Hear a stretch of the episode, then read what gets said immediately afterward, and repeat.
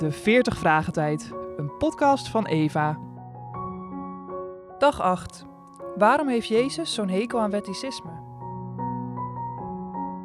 We lezen Lucas 11, vers 33 tot en met 54. Niemand zet een brandende lamp onder in een kast. Je zet een lamp juist hoog, dan kan iedereen die binnenkomt het licht goed zien. Elk mens kan licht uitstralen.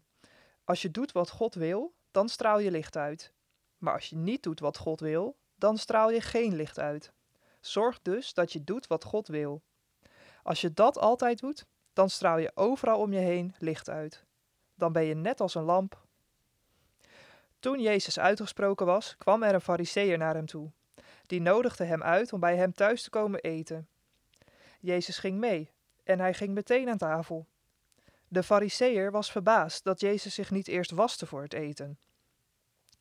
Jullie fariseeën vinden het belangrijk om de dingen aan de buitenkant schoon te maken, maar het is veel belangrijker hoe je van binnen bent.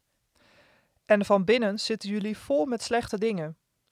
Jullie begrijpen er niets van. God heeft niet alleen de buitenkant gemaakt, maar ook de binnenkant.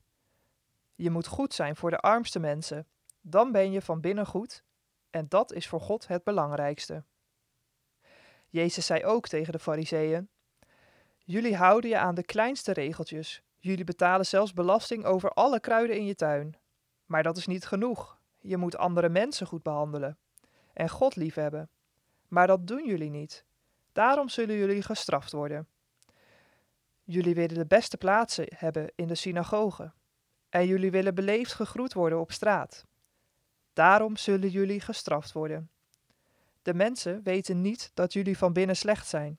En doordat ze naar jullie luisteren, worden ze zelf ook slecht. Daarom zullen jullie gestraft worden. Een van de wetsleraren zei tegen Jezus: Meester, u zegt dat tegen de Fariseeën, maar daarmee beledigt u ons ook. Jezus antwoordde: Wetsleraren, ook jullie zullen gestraft worden, want jullie geven de mensen de moeilijkste regels, maar zelf houden jullie aan geen enkele regel. Jezus zei tegen de wetsleraren: Jullie maken prachtige monumenten voor de profeten van vroeger, maar jullie eigen voorouders hebben hun gedood. Zij hebben de profeten gedood en nu maken jullie monumenten voor de dode profeten. Daarmee laten jullie zien dat je het eens bent met je voorouders en daarom zullen jullie gestraft worden. Nu volgt het wijze plan van God. God zegt: Ik zal profeten en apostelen sturen naar de mensen die nu leven, en zij zullen sommige profeten vermoorden en anderen mishandelen. En dan zal ik de mensen die nu leven straffen voor hun slechtheid. Ik ga hen straffen voor alle profeten die vermoord zijn, vanaf het begin van de wereld tot nu.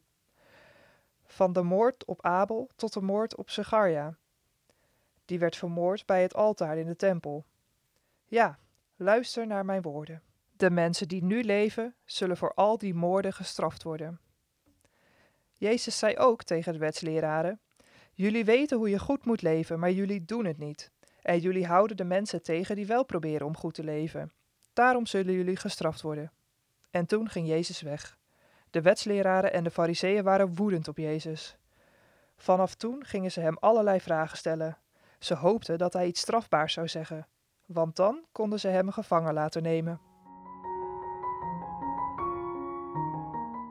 Waarom heeft Jezus zo'n hekel aan wetticisme? Het antwoord.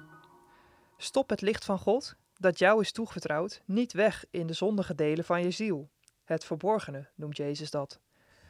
Laat het ook niet ondergaan in je handel en wandel, de korenmaat, of in je dagelijks werk, het vat, of in je luiheid, het bed.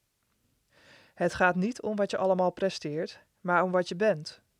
Het gaat niet om het lawaai dat je voortbrengt, maar om het licht dat je uitstraalt.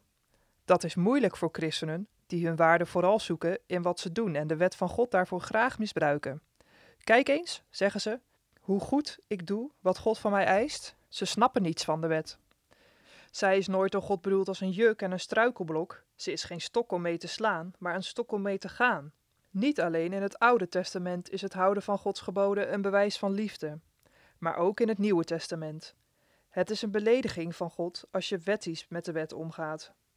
Dat doe je bijvoorbeeld door je pietlutterig te houden aan de details. Wel de buitenkant van je vaatwerk reinigen, maar niet de binnenkant van je hart. Wel precies een tiende van je kruiden weggeven, maar voorbijgaan aan de kern van de wet: het recht en de liefde van God. Wel met een schijn van vroomheid de wet je medemensen opdringen, terwijl je eigen hart erbuiten staat. Wel de huigelaars op een voetstuk zetten, maar de echte dienstknechten van God om het leven brengen. Deze valse geestelijke leiders van het volk zouden eens door God ter verantwoording geroepen worden. God zou al het bloed van zijn dienstknechten, dat deze huigelaars vergoten hadden, van hem afeisen. Rechtvaardigen, die door zogenaamd godsdienstige mensen vermoord zijn. Tussen de regels door kun je lezen dat deze hypocrieten op het punt stonden aan de lange lijst van hun slachtoffers het voornaamste slachtoffer toe te voegen. Samen met de Romeinen zouden zij hun eigen Messias ombrengen. Daarmee zouden zij de maat van hun zonde volmaken. Je zou denken dat zij wel even schrokken van Jezus' suggestie. Nee hoor, ze beginnen onmiddellijk met die suggestie waar te maken. Toen hij deze dingen tegen hen zei, begonnen de schriftgeleerden en de fariseeën hevig tegen hem tekeer te gaan. Ze spanden strikken voor hem om iets uit zijn mond op te vangen, opdat ze hem zouden kunnen beschuldigen. Geen wonder dat Jezus hen dwaas noemt.